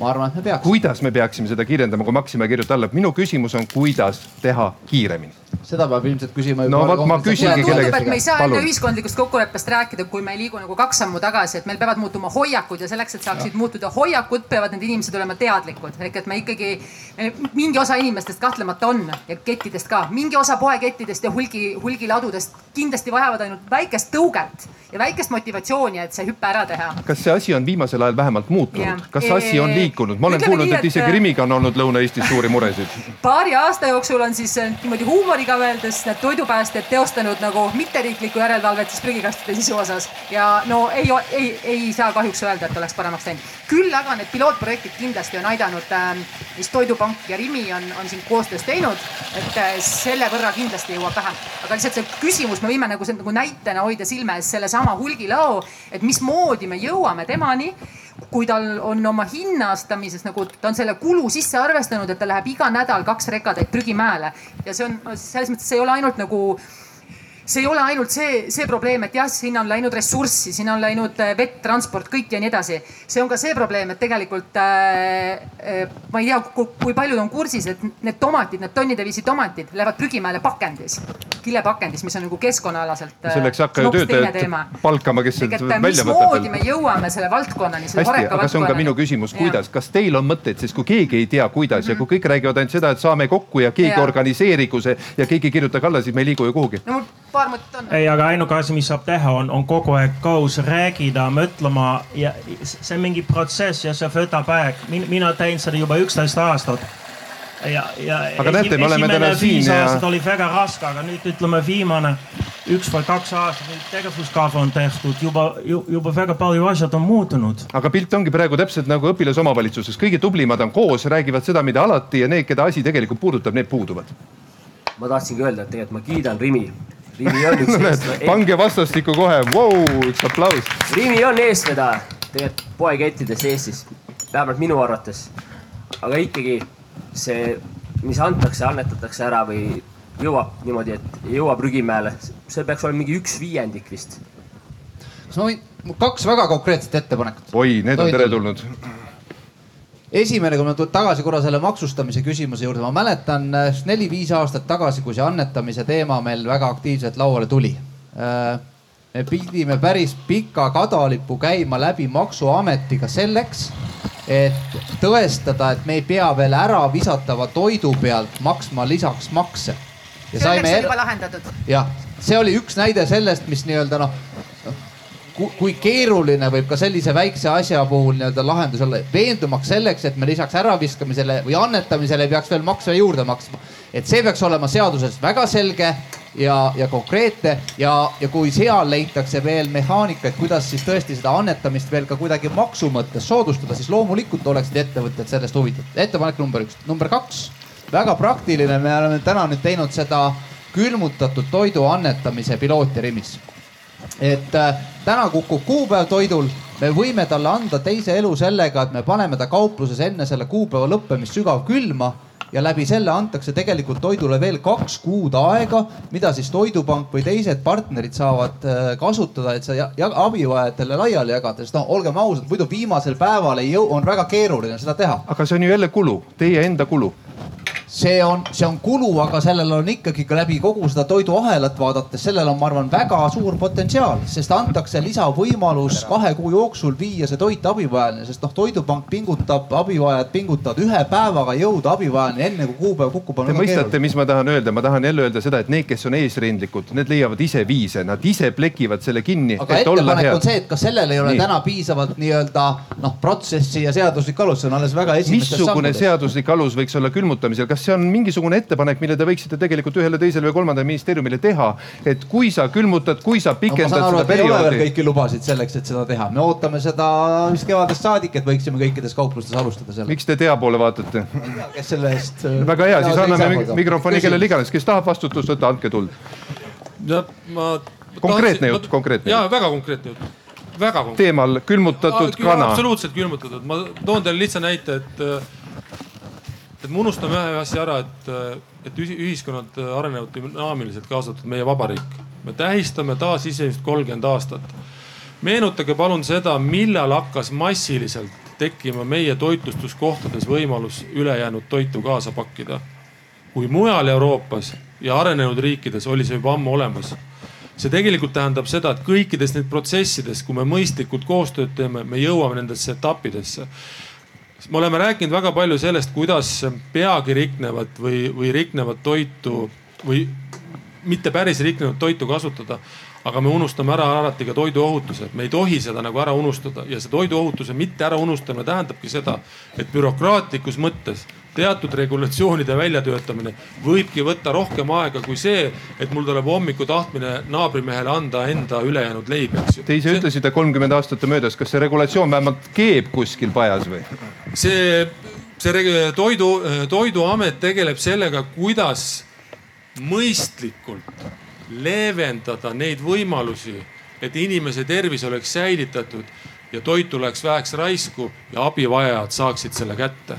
Ma ütleksin täpselt niimoodi, see puudutab ka nende nõndanimetatud parim enne ja kõlblik enne võimalikke ülevaatamist, aga keegi mainis siin seda kanafileed, mida ei tohtinud enam käsitleda see tegelikult tähendab seda, et ka selles kontrolli ja tootmisprotsessis, et te mõistaksite mind õigesti, on see, et kui tootja midagi toodab, siis ta on ära katsetanud, et kui ta paneb sinna kuupäeva peale, siis see toit peab kestma nii kaua. Vahel see ei pruugi nii olla, tähendab seda, et sa ennem kui sa hakkad seda toitu tarbima või kellelegi andma, sa pead olema veendunud, et ka välised äh, tunnused, olgu nad lõhn, maitse, mida iganes või mida iganes, on sellised, et sa võid seda ära anda et see on see küsimus ja mina, ma toon teile lihtsalt näite, et praegu on Riigikogus seaduseelnõu, mis puudutab õiglase kaubanduse direktiivi. see on üks osa minu arust näitest, kus eh, nii, eh, nii tootjad kui kaupmehed on tunnetanud probleemi eh, üle Euroopa ja leidnud, et seal tuleb midagi reguleerida. mina olen veendunud selles, et kui, kui ka meie korraldame kohtumise Toiduliiduga, siis needsamad lihtsad asjad et äh, mingil kellaajal toimub mingi teavitus või neid hakatakse paremini eksponeerima või sinna tulevad kampaaniad juurde, see on teostatav. aga selle ellu viivad needsamad head tarbijad ja see on see küsimus. põllumajandus näiteks, et te saaksite aru, mis on põllu, põllumajanduse mure. et tegelikult peab ju aru saama sellest, et ühelt poolt on tarbimise nõudlus, teiselt poolt äh, hind, aga kolmandal pool ka loodus. põllumajandus ehk tootmises on väga kõrge volatiilsus ja see tegelikult tähendab seda, et mingi saagikus võib tarbimisest ühel aastal üle oh. minna, aga sa pead olema valmis selleks, et seda üle elada. Te ju mõistate ilmselt, et me võiksime ka liikluses öelda, et kallid liiklejad, me usaldame teid, riik on teie poolt, palun ärge ületage kiirust kõik on hästi, me saame üksteisega hakkama, me ei hakka siin kedagi kokku kutsuma, ärme seadusi tee, nii edasi. kuskilt on vaja ju piitsa ka, mis sunniks inimesi midagi tegema, ettevõtteid midagi tegema. kuskil on ju seda vaja, lõputult liberaalne ei saa siin ju olla, isegi liberaal. ja ennekõike arvestades, et meil on ka ajasurve, mille on seadnud meile. ja meil on ka ajasurve. ja aga te, te tegelikult teate ju seda, et kasvatusteadlased ütlevad, et ühed vajavad piitsa, teised vajavad präänikut. me küsimegi, kus see piits on kus see piits on, mis motiveeriks neid, kes täna siin ei ole. ja kus on präänik, maksusoodustus? Eh, ma võin siin natuke provotseerida. ei, nüüd võiks vastata, kus ei, nad on, oli küsimus. provotseerides vastan, et eh, mida prantslased tegid. prantslased võtsid seadusega vastu sellise kohustuse, et kõik üle neljasaja ruutmeetri suurusega pindadega jaepoed või ükskõik kes peavad annetama sada protsenti toitu ära. ja kui ei anneta, on trahvid peal kõik toidupäästjad on sellega väga hästi kursis, see on hiljem vastu võetud ka Itaalias ja Tšehhis. ükshaaval, ükshaaval. ei, ma lõpetaks seda sellega, et, et see on küsimus, et kas Eesti riiki sobib selline sunnimehhanism. kui me küsime, eks ole, ja küsisime ümarlauas seda, siis loomulikult mitte keegi seda ei soovinud kas te olete rahul selle tempoga, kus me täna oleme annetamisega? kaks tuhat kakskümmend kolm teeme vahekokkuvõtte. vahekokkuvõtte millest? sellest, et äh, kas teha riigile ettepanekuid midagi konkreetne. karmimalt, äh, karmimalt ette võtta. miks kaks tuhat kakskümmend kolm, kui täna on kaks tuhat kakskümmend üks ja toitu visatakse ära? mulle meeldis väga, mida Urmas ütles, et igal asjal on tegelikult vaja aega harjuda, aru saada ja ka seda mentaliteedi muutust on vaja teha. kas me ei harju juba kolmkümmend aastat sellega tegelikult ju sada kolmkümmend aastat? kodus ikka toitu ära viskate kuulge, ärge aga rääkige. viskavad siis..., kui uuring näitab, et viskab ära nii palju inimesi, siis me ei saa end-, mina pööra... ka ei viska näiteks. ärge nüüd pöörake demagoogiliselt seda inimeste poole, me räägime praegu sellest, et mitte ükski eraisik ei lähe õhtul tomateid viskama ära tonnide kaupa. Need on ärilisest kaalutlusest tulevad sammud, me ei räägi täna ära eraisikutest, kuigi nii pagana mugav on viia juttu sinna. kas miski annab alust nagu oodata või arvata, et need hulgilaod peaksid nagu nende kahe järgneva aasta jooksul tegema mingeidki muudatusi oma äripraktikas, et ja millel need ootused põhinevad? Ja, hea küsimus. korra ma toon võib-olla selle teise ei, miks teise? kuulge, minu mõte ongi selles, mina olen väga rahulolematu siis, kui minu publik on rahulolematud, niimoodi ma tunnen jah ja.. kui siin praegu oli küsimus, millele ma kiitsin takka, siis palun vastame sellele küsimusele. mida siis nüüd teha, et see asi käiks kiiremini? et me ärme räägi nendest eilsetest kanadest ja inimeste vastutustundest, räägime sellest, et see piits, kuidas see peaks toimima, et see asi toimiks. kas te tomati näitel tahaksite seda, et riik keelaks äh, äh tomati sisseostu? minu küsimus on, kuidas lahendada probleem. ma tahan teile tuua selle näite vahel lihtsalt selle, ma tahan lihtsalt tuua, ma tahan tuua teile lihtsalt selle näite, et me peaksime olema ka natukene pragmaatilised ja objektiivsed, kuidas elus mehhanismid toimivad. kui ettevõtja on tellinud sisse need tomatid ja tal on teadmine, et ta saab need tomatid edasi müüa, siis ta tellib need sisse. ja kui nüüd mingil põhjusel see äritehing äh, nagu katkeb, siis võivad sellised asjad juhtuda kuid äh, toitu transporditakse tuhandete kilomeetrite kaupa üle, üle maailma laiali siis kõige olulisem selle kauba transportimisel on need säilitamistingimused, et äh, edukalt, aga me teame, et meil on ka seal probleeme, eriti kolmandates äh, ja arenenud riikides, kes, kes ütleme, ei ole saanud neid asju veel nii läbi mõelda. selle tõttu ma tahan teile öelda, et meil on mitu tasandit, üks on kaubandustasand, ma ütlen, et kaubandustasand ja kokkulepe mentaliteedi muutmine kasvõi selles samas igapäevases toimimises. riik ei peaks teha. sekkuma ütlema kaubandusele, et peavad hakkama reklaami tegema. ühesõnaga riik ei peaks sekkuma, kaubandus lahendagu ise see probleem ära. ei, ma ei. tomatid on lihtsalt leitmotiiv täna. seal on mitu probleemi, et ei saa öelda seda, et riik sekkub läbi regulatsiooni, kuidas toitu käideldakse ju. ta ju sekkub selles küsimus mõttes. küsimus on see, mismoodi me need kaubandusketid saame üleüldse laua taha no kas teil ei olnud laua taga? minul on nad käinud kogu aeg laua taga. kutsed nagu kõigile me... kaubanduskettidele ja Rimi oli ainuke, kes tihkas tulla. kuidas me saame nad laua taha? ma ei oska, ma ei oska öelda. kaks tuhat kakskümmend kaheksa ei oleks täpselt samas kohas. meie partnerid, keda me kõik oleme kutsunud, on meil alati laua taga, ma ei oska öelda. mul ei ole selle kohta kogemust, ma ei tea seda ja Anna, sinu rahulik tasakaalukas hääl on teretulnud. see on lihtsalt nii ebaloogiline, et äh, kui on, äh, te räägite, et justkui ei taha riik vastutust võtta nii kaua, kui äh, prügi, kui poekettide jaoks, kasumlikult mõtlevate mm, ettevõtete jaoks, poekett on veel väikene hulgiladu, saate aru, me näeme ühest hulgilaost kaks rekka täit toitu, mida saaks annetada. liht, väiksest Tartu linnast visatakse ära ja siis riik ütleb, et ei, ma ei tea, me mõtleme siin veel, et nagu on selge ju see, et kui prügisse viskamine oleks keerulisem ja riigi poolt reguleeritud, see oleks lihtsalt keerulisem ja kallim, siis ei visataks niimoodi ära ja, ja seda on kõik poeketid ja. mulle öelnud et see on lihtsalt nii ebaloogiline, mõelgem loogiliselt. selle tomati äraviskamine väga odav ei ole muidugi jah. see tomati äraviskamine on väga-väga odav, üliodav ja seda on, seda on öelnud isegi Rimi sealsamas debatis, seda on öelnud hulgilao töötajad, seal ütlevad, jaa, see on väga lihtne. aitäh, Hanna. Nad on selle oma hinda sisse arvestanud ja. ja see ongi probleem. täna meil tegelikult on vastused olemas, et neid vastuseid sellel rindel ei ole, aga küsime, kus nad on. keskkonnaministeerium saab viimasena võimaluse riigi mainet päästa. ja kuna siin äh, jäätmeots äh, jõudis ka ringiga keskkonnaministeeriumi juurde tagasi, siis äh, esmalt teeme ikkagi selgeks selle, et tomateid läheb kodus rohkem raisku kui Jälle, läheb mujal. ma ja see, see ei ole demagoogia, vaid ma lihtsalt ütlen. see on ja ma vastan, ma lihtsalt ütlen seda, et, et. aga ärme, ärme räägi sellest kodusest lähe... tomatist, me juba teame, et kodune tomat läheb ka raisku. ma ütlesin seda, et puhtalt puhas matemaatika. no mis see teine ja pool sellest on? teiselt poolt ma nüüd ütlengi seda, et eh, mis puudutab äh, jäätme tekkimise vältimise nõudeid, siis meil on selline seadus nagu jäätmeseadus, mis nõuab kõikidelt, nõuab selles mõttes eh, ja on ka karistussätted, mis ütlevad, et eh, kui jäätmeteki vältimise sätteid või põhimõtteid rikutakse, siis võib juriidilisele isikule teha trahvi kuni sada tuhat eurot. Kas see tähendab, et kui prügikast on tomateid täis, siis on midagi rikutud või ei ole? nüüd ma jõuangi selle teise pooleni. meil on keskkonnaalaste rikkumiste puhul väga keeruline neid nõudeid sada protsenti täita järelevalve poole pealt et kui me läheksime, teeksime näiteks Rimile trahvi, siis suure tõenäosusega me vaidleksime kohtus seda ja meil oleks väga keeruline tõendada seda ära enda poole pealt. milleks see seadus on... siis? mitu eurot te järelevalvesse suunanud olete? toidupäästjad on mitu aastat teinud prügikasti veerel iga õhtu järelevalvet ja need prügikastid. mul ei ole midagi teha, ma ainult... pean olema selle küsimusega ühel pool. kui seadus on, siis on mõte sellel ainult siis, kui seda tead, täidetakse. mida te siis olete teinud selleks, et neid äh, sadu tuhandeid käivitada mõne patuse häbistamiseks? Ma olen nõus, et, et kui seadus on, siis tuleb seadust täita ja seadus peab olema ka järelevalve.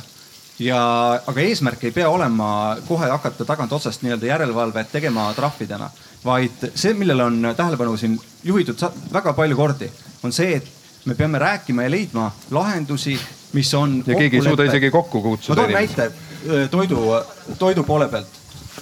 enamus teist ilmselt teavad E kuussada kakskümmend üks toidulisandit, mis on naatriumglutamanaat kas meil on keelatud see või mitte, aga väga suur hulk ja enamus, ma usun, on äh, selle oma toidunomenklatuurist või siis nendest äh, toidu äh, koostisest välja võtnud. seetõttu, et tarbijad hääletasid lihtsalt oma otsustega ja ei ole pidanud riik siia vahele tulema. Et me proovime ei... esmalt ikkagi ära teha selle, et, et leiame need lahendused sellised heatahtlikult. Ja ma olen nõus et see, milles kokkuleppele ei saada, selle poole pealt peab riik vaatama seda, kas on vaja õiguslikku regulatsiooni suurendada, sätteid juurde lisada rangemat järelevalvet tegema, aga Ja ma ei usu, lõpuks- et Eesti riik tahab olla see, kus äh, me ei proovi leida lahendusi omavahelise kokkuleppe, vaid me teeme kõike sellena, et tuleb keegi kuskilt ülevalt ja ütleb. selle lause vast, lõppu ma juba tean jah, me tegelikult ei joo enam mehukatid ka, sest inimesed ise reguleerisid selle, et nad said aru, et see on mürk, mida me joome, selle reguleerisid inimesed ära, mitte tegelikult riik. ma võtan natukene seda nüüd maha, aga ma annan sõna Piidile korraks. Piit, kuidas need asjad on lahendatud mõnes korralikus riigis, kuhu Eesti tahab ka saada? kuidas see asi täpselt välja näeb? Kas need probleemid on äh, olemas, kui suured nad on, räägime nüüd toidu äraviskamisest hulgiladude, poodide tagaõuedel, räägime sellest asjast, räägime sellest korraldusest, millega need noored inimesed praegu tegelevad, kuidas nad viivad need asjad ära, kes need inimesed, kas nad on toetatud, ei ole, kuidas selline korralik tänapäeva euroopalik mudel välja näeb? igal pool on probleemid ja, ja, ja, ja, isegi kõige ütleme efektiivsem riik, võib-olla Holland või Taani või Inglismaa. See, see toit, mis, mis, mis oleks võimalik päästa, see, see on, seal, seal on ka mingi maksimum, see on võib-olla kakskümmend või kolmkümmend protsenti. aga ikka ainuke asi, mis töötab, on, on koos istuda ja mitte üks kord aastas, aga lihtsalt iga kuu või, või neli korda aastas ja, ja, ja kõik kauplused, maaletoojad, tootjad ähm, eraisikud ja, ja kogu aeg lahendada need probleemid ja, ja vaatada, siin on, siin on sada erinevat aspektid. ainult üks aspekt on näiteks see, see kõlblik uni parim enne, kus on väga palju segadus, väga palju inimesed ei saa aru seda. see on ainult üks aspekt, aga neid aspektid on väga palju ja võib-olla spetsialistid saavad aru kõik need aspektid, aga tavaline inimene või, või tavaline MTÜ lihtsalt ei saa aru. Piit, rääkige meile palun, mida tähendab see kõlblik kuni siis ja, või vabandust, parim enne, kõlblik kuni, sellest võib eesti keelt äh, rääkiv inimene aru saada, mida tähendab siis parim enne, kas me tohime seda süüa neli päeva hiljem või ei tohi? no parim enne võib, võib isegi müüa seda. Inglismaal, Hollandis on kauplused, kus nad müüvad ainult kui parim enne on mööda. kas meil on tehtud mõni uuring näiteks sealsamas keskkonnaministeeriumis, mis ütleb, et kas tegelikult inimesed teavad selle tähendust või võtavad seda kui kõlblik kuni? Siin on tehtud uuring, see oli üle, üle Euroopa ja tuli välja, et, et eestlased saavad seda väga hästi aru. aga meie näeme Toidupangas, et inimesed ei saa aru, sellepärast näiteks Tallinna Toidupangas võib-olla seitsekümmend protsenti meie kliendid on venekeelsed ja venekeelsed kliendid küll ei saa aru, mis tähendab kõlblik kuni või parim enne. kuidas seda asja muuta? sellepärast vene keeles on ainult üks sõna või Venemaal on ainult üks sõna ja, ja neil ei ole kaks erinevat neid termit. Ja, ja, ja see on ainult üks, üks, üks, üks aspekt, aga siin on nii palju segadus ja, ja tegelikult äh, ma arvan, riik või, või äh, omavalitsused või MTÜ-d võivad väga palju tööd teha, et, et kõik need erinevad aspektid veel selgemaks teha. kas see tähendab, Piit, ka seda, eks ole, kui inimene näeb seda silti parim enne ja ta on venekeelne, näiteks umbusklik, loomulikult ka vaktsineerimata ja nii edasi, eks ole, siis ta lihtsalt võtab seda kui prügi, viskab selle minema ja. või ei tahagi seda võtta? see on meie jaoks suur probleem, sellepärast väga tihti inimesed, kui me anname venekeelsetele inimestele seda toidupakk siis tihti nad helistavad äh, Veterinaar- ja Toiduamet või, või äh, linnavalitsus, et nad arvavad, et me, meie teeme midagi illegaalset. see on täitsa legaalne aga tea, see on tegelikult ju nii konkreetne probleem. me näeme siin ühte silti, kas see peaks nüüd olema ka kaupluste enda reguleerida või tegelikult võiks teha ühe kampaania, mis ütleks inimestele, et see tähendab seda ühes keeles, teises keeles, kui vaja, ka viiendas? See kampaania oli minu meelest Keskkonnaministeeriumi poolt toodud välja eelmisel aastal. see on siis tahan, olnud, muutis see midagi? ma tahan öelda seda, et see ühekordne ei muuda midagi, et see on järjepidev ja näiteks kui me räägime siin, eks ole, Toidupangast, siis Toidupank on ju ise ka teinud seda seletustööd väga palju aastaid, aastaid, aastaid ja me jääme seda tegema alati, ma tahan öelda sest uued inimesed tulevad jälle peale ja kes kuidas tõlgendab ja ma ise tegin katset tööl ükskord, küsisin, et kas vahet tehakse ja meil olid eestikeelsed kõik ja oli ka vaja seletada, mida see tähendab. äkki on Nii lahendus et... see, et natuke peaks kampaaniatele ka hoogu juurde andma, siis no paneme sinna siis korralikult rohkem raha. siin on inimesed, kes ka usuvad, et kampaaniad võiksid töötada. ma arvan, et seda peab tegema ja tehakse ka ja jäädaksegi tegema ja igavesti. Anna mul on üks kommentaar härra Kaupo Heinmale, et, et vabandust, aga see jutt, mida te rääkisite, oli nii udune, et ma toon teile ühe konkreetse näite. eh, seadustest. vanasti oli suitsetamine keelatud, eks ju. ja kui me oleksime samamoodi nagu aastaid lihtsalt siin arutanud ja arutanud, et kas nüüd keelustada suitsetamist, ah oli lubatud, eks ju, aga et näed, et arutame veel, vaatame, teeme uuringuid, et kui palju ikkagi sureb ja kas on kahjulik aga siis ühel hetkel võeti vastu see ebameeldiv otsus jah, et siseruumides ei suitsetata ja nüüd me keegi. või viina ei müüda näiteks. või viina ei müüda ja millegipärast keskkonnaministeerium ajab sellist udust, udust juttu ja ei taha üldse võtta vastutust äh, sama äh, sama loogika peale siis, mis on seotud prügiga, et kui mul on, see on loogiline, kui mul on äh, lihtsam ja odavam ära visata ja see on reguleeritud siis äh, ma ei viska ära, eks ju. et samamoodi mm, see lihtsalt on nii ebaloogiline, et kas te saaksite kuidagi konkreetselt öelda, et mis on teil keskkonnaministeeriumil selle vastu, et ettevõtetele teha keerulisemaks prügisse viskamist, kes saab kuskil kasu? meil ei ole selle vastu äh, mitte midagi, kui seda teha keerulisemaks, aga. mis see tähendas? See tähendaski seda, et elu keerulisemaks, ma mõtlesin juttu keerulisemaks. ja, ja me oleme seda eh, ka, ka teinud, aga mida me ei taha teha, me ei taha teha otsuseid, mille tagajärgi me tegelikult ei oska hinnata. et kui me paneme sellise regulatsiooni, et seda teha ei tohi. aga kui ja, ei otsusta, siis on tagajärg teada, lõpetab prügis äkki see on kogu selline hinnang riigile, et ollakse liiga ettevaatlikum. ma mäletan ka Maris Jesse nimeline isik kahtles äärmiselt sellest, et kui viina hinda tõsteti, kas inimesed lähevad Lätti või, Lätti või ei lähe. jah, nad läksid sinna, äkki see on pädevuse küsimus natuke. ma pigem ütleks seda sedapidi, et kas ühiskond on valmis eh, näiteks selleks, et ta läheb poodi ja tal ei ole seda toodet, mida ta tahtis sealt. mis nüüd ja saab siis? ja siis talle öeldakse, et seda ei ole sellepärast, et ma arvasin, et, et ei lähe vaja ja ma ei ostnud, ostsin nii-öelda vähem, et igal juhul ei tekitaks Äh, jääks ülejääki ja seetõttu seda kaubagruppi ei ole et. Äh, selle eest võiksid hoolitseda kaupmehed, et see ei ole ju teie, teie probleem esmajoones keskkonnaministeeriumis keskkonna, keskkonnaministeeriumi ülesanne on tagada see, et, et otsused toimiksid ja otsused oleks laiapõhjalised. Et ma lihtsalt tõin näite seda, et, et ühel otsusel kui ühest otsast seda reguleerida, võib olla kaksteist poolt, mida me Hästi. ei, ei osanud ette näha. see jagunes juba ennesajaks osaks. ma küsin, mida te tänases olukorras peate vajalikuks nüüd teha, mida muuta, kui üldse? muuta tuleb kindlasti seda, et. konkreetselt? nii nagu ka härra moderaator ütles, et jäätmete äraandmine peab olema oluliselt keerulisem ja kallim. Te siis nõustusite sellega? ma nõustun sellega ja ma olen, nõustusin sellega juba, juba alguses. mida te teinud olete selle jaoks, millal uued tariifid kehtestuvad ja kellele? Nüüd me jõuame tagasi selleni, et kas riik kehtestab jäätmekäitluses tariifi või mitte see on põhimõtteline küsimus ja seda ei saa ainult keskkonnaministeerium otsustada, et kui palju riik. mida teie saate teha, on küsimus keskkonnaministeerium saab teha ettepaneku näiteks kehtestada teatud. Kas te olete teinud selle ettepaneku?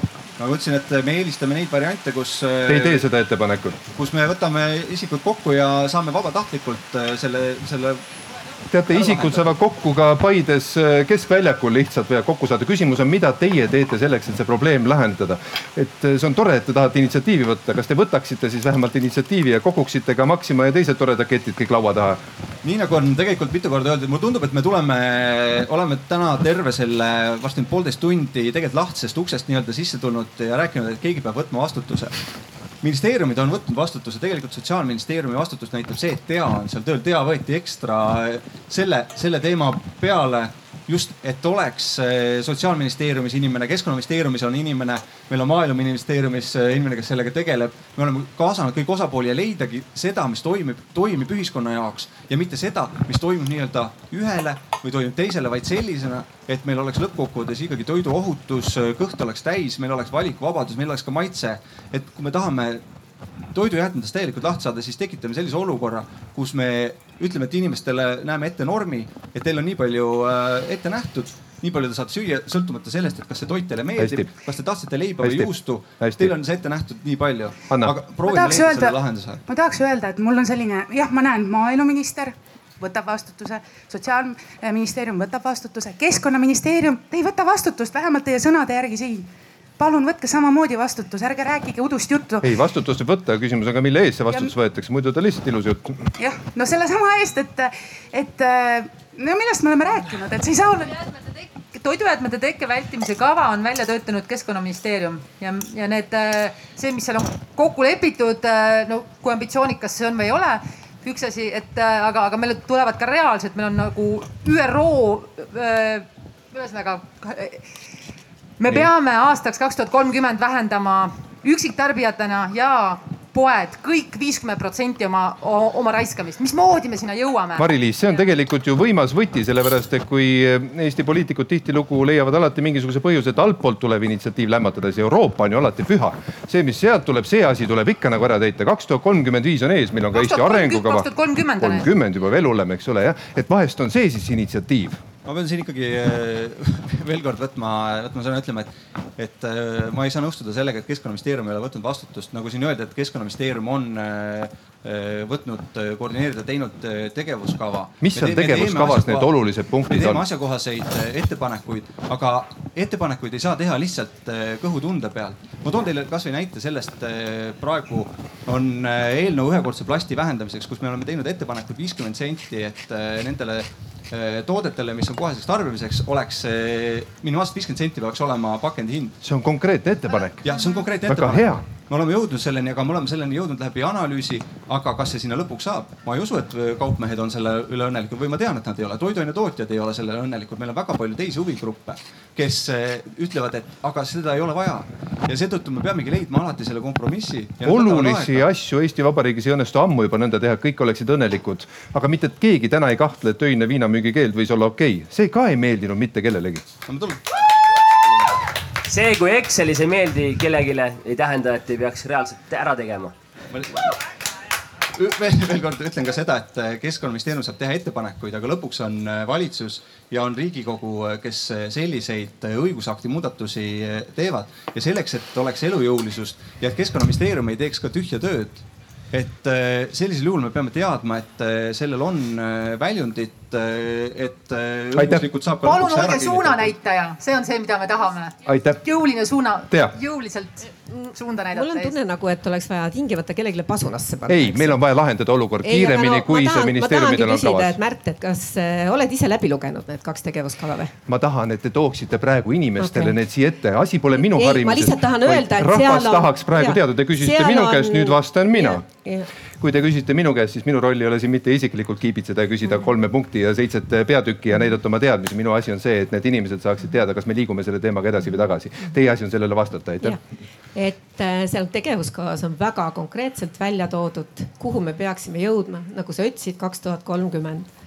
ja me keegi ei ole naiivsed, et arvame, et, et juttu rääkides sinna jõuame meil on väga toodud välja ka need, et mis tegevusi konkreetselt, mis aastal ja kuidas peab tegema ja kuhu välja jõudma. miks me neid siis enda teada hoiame? seda ma ju küsin kogu no, aeg. no me rohkem nagu sõdime siin praegu, aga. ma küsingi teie ja, käest no,, mida me näite, teeme. jah, no toon näiteks välja, et kui siin on jutt olnud sellest, et me tegelikult viskame meeletult toitu ära ja nii edasi ja noh, ma jälle nüüd sotsiaalministeeriumi poolt annetusteema tuleb, aga noh, näiteks annetamisjuhendi tegemise teema. annetamisjuhend. ja kusjuures seda nõudsid ümarlauas faktiliselt kõik ettevõtjad ja ka need, kes üldse annetanud ei ole. ja see juhend on nüüd valmis, juhend on valmis, interaktiivne sellele, mida tema teab. juhendit kahjuks ei ole veebis üleval, see on uuendamisel, seda ei ole terve suvi kahjuks olnud. see on teine asi, see uuendamise osa, mis on seal, kuidas, eks ole, annetada, on praegu maaeluministeeriumi poolt, eks ole, põllumajandus- ja toiduametis okay, muudatuste.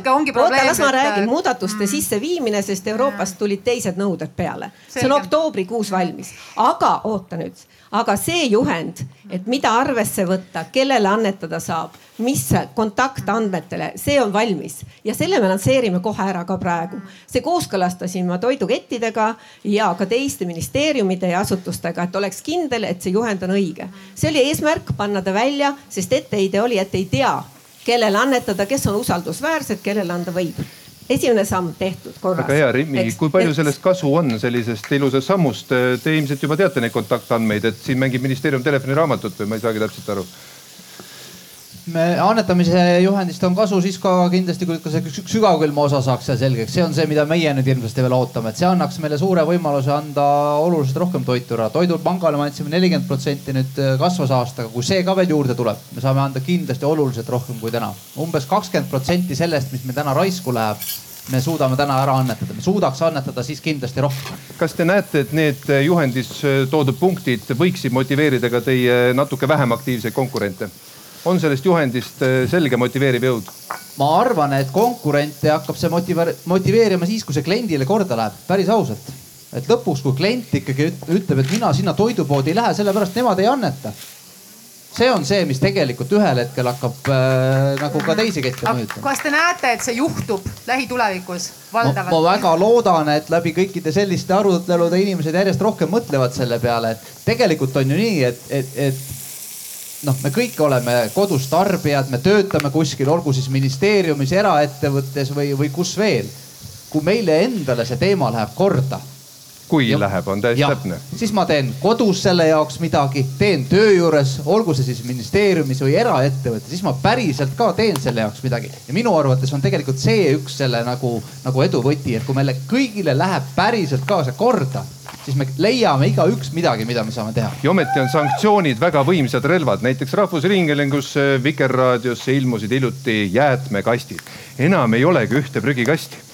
Kellelegi ei meeldinud kes oli vanamoodi seda asja teinud, aga ühel päeval lihtsalt ei olnud seda kommipaberit mujale enam visata, kui tuli õigesse kohta panna. teate, seal ei eelnenud demokraatlikku pikka arutelu, kas me teeme selle ära või ei tee, see lihtsalt ühel päeval oli tehtud.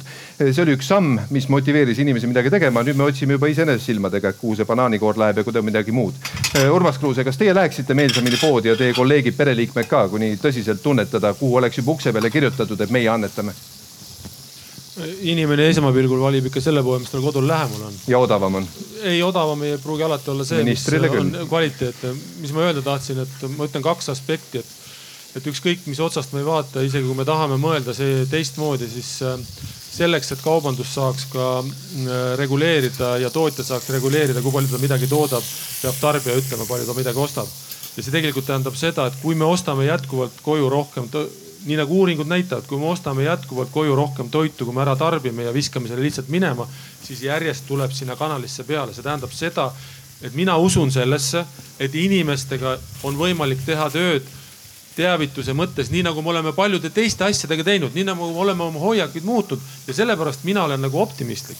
nüüd ma tahtsin tuua kohe praktilise näite, et me oleme juba eelnevalt uurinud ja kokku leppinud, me teame, et täna külmutusladudes on umbes viissada viiskümmend äh, äh, tonni äh, kala, mis vajab tegelikult realiseerimist. me oleme juba Toidupangaga suhelnud selleks, et tema on võimeline selle kala, mille säilivustähtaeg hakkab tulema ja eksportturud olid kinni tänu Covidile, on võimeline teatud perioodi jooksul realiseerima ja me ei ole ühtegi seadust selle jaoks justkui vastu võtnud, vaid me oleme kokku leppinud selle ja eelnevalt sellega tegeleme. nii et ma usun sellesse tunduvalt rohkem kui äh, tugevasse tsaari, kes tuleb, lööb kepiga. Urmas, aga te ütlesite just praegu seda, keegi võttis initsiatiivi ja hakkas seda asja korraldama. selleks ei pea. me võtsime lihtsalt initsiatiivi no,. olge julged. aga see, see initsiatiiv oli seotud sellega, mida ma ennem ütlesin.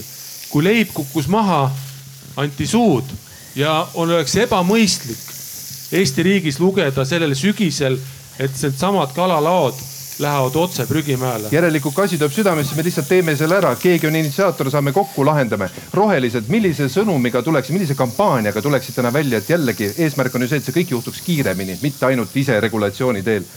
Ja ma siin kuulan äh, sihuke mõnusa publiku liikmena, aga, aga varju all, mõnus. Äh, no meie järjest rohkem vaatame ikkagi seda süsteemsemat poolt, et kus on see suur mõju on ju, mis on need suured kogused, mis lähevad kuhugi kuhu nad ei peaks minema, et siin enne mainiti seda tomatiladu, et äh, et seal on ärimudelis juba sees see, et noh, et kaks, kaks rekkatäit nädalas läheb äh, prügimäele. ja teisest küljest ma kuulen, et nagu, et see lahendus peab olema isikliku isiku, üksikisiku tasandil. ja siis mul tekkis peas mõte, ma ikka mõtlen imelikke asju vahepeal. et kas, siin on räägitud regulatsioonidest, kas me saame ka natukene võib-olla dereguleerida, et need, et hulgiladudes ei peaks olema see üks hea töötaja, kes salaja nagu nihverdab kuskilt neid äh, jäätmeid äh, päästmisele. kas tahaks seda kuidagi rohkem nagu äh, korraldada nii, et, et see toidulaost, kus jääb üle, et see jõuab nende toidujagajateni või inimesteni, kes tulevad, võtavad ise niimoodi, et see ladu ise ei pea kartma, et talle nüüd tulevad trahvid selle eest, et võib-olla see toiduaine on pisut üle aja läinud, et mis, minu peas on see küsimus, mis hetkel see vastutus nagu kaob ära, et kas siis, kui see hulgilao inimene viskab seal, laseb käest lahti paki ja see kukub prügikasti kas siis ta enam ei vastuta selle nagu,? see oleks praeguses arutlusfaasis juba natukene liiga peenikene teema, et ma tahtsin korraks vaadata suuremat pilti veel ja see suurema pildi küsimus on see, et me ei saa öelda, et eestlasele ei lähe keskkond korda. aga mis läheb korda, vaatame. kui Haapsalus võetakse puud maha, siis see on terve Eesti teema nüüd Viljandis katsu sa täna puud saagida, see ei ole põhimõtteliselt võimalik, sulle tulevad seal raudrüütlid vastu, eks ole, tõmbad su enda pikali, eks ole. miks toiduga seda ei ole? kas te olete mõelnud, miks on meil mõned teemad on nii kõvad, no kas on käega katsutavus, no vaata, võtad need puud maha, eks ju, Paide ei ole enam see. no ma arvan, et meil on see mentaliteet on ikkagi veel peas, et noh, et toit on püha aga tegelikult noh, statistikat vaatad, siis aga ega ei ole küll onju, et see läheb siia vasakule paremaks. või kui vaatab prügikasti.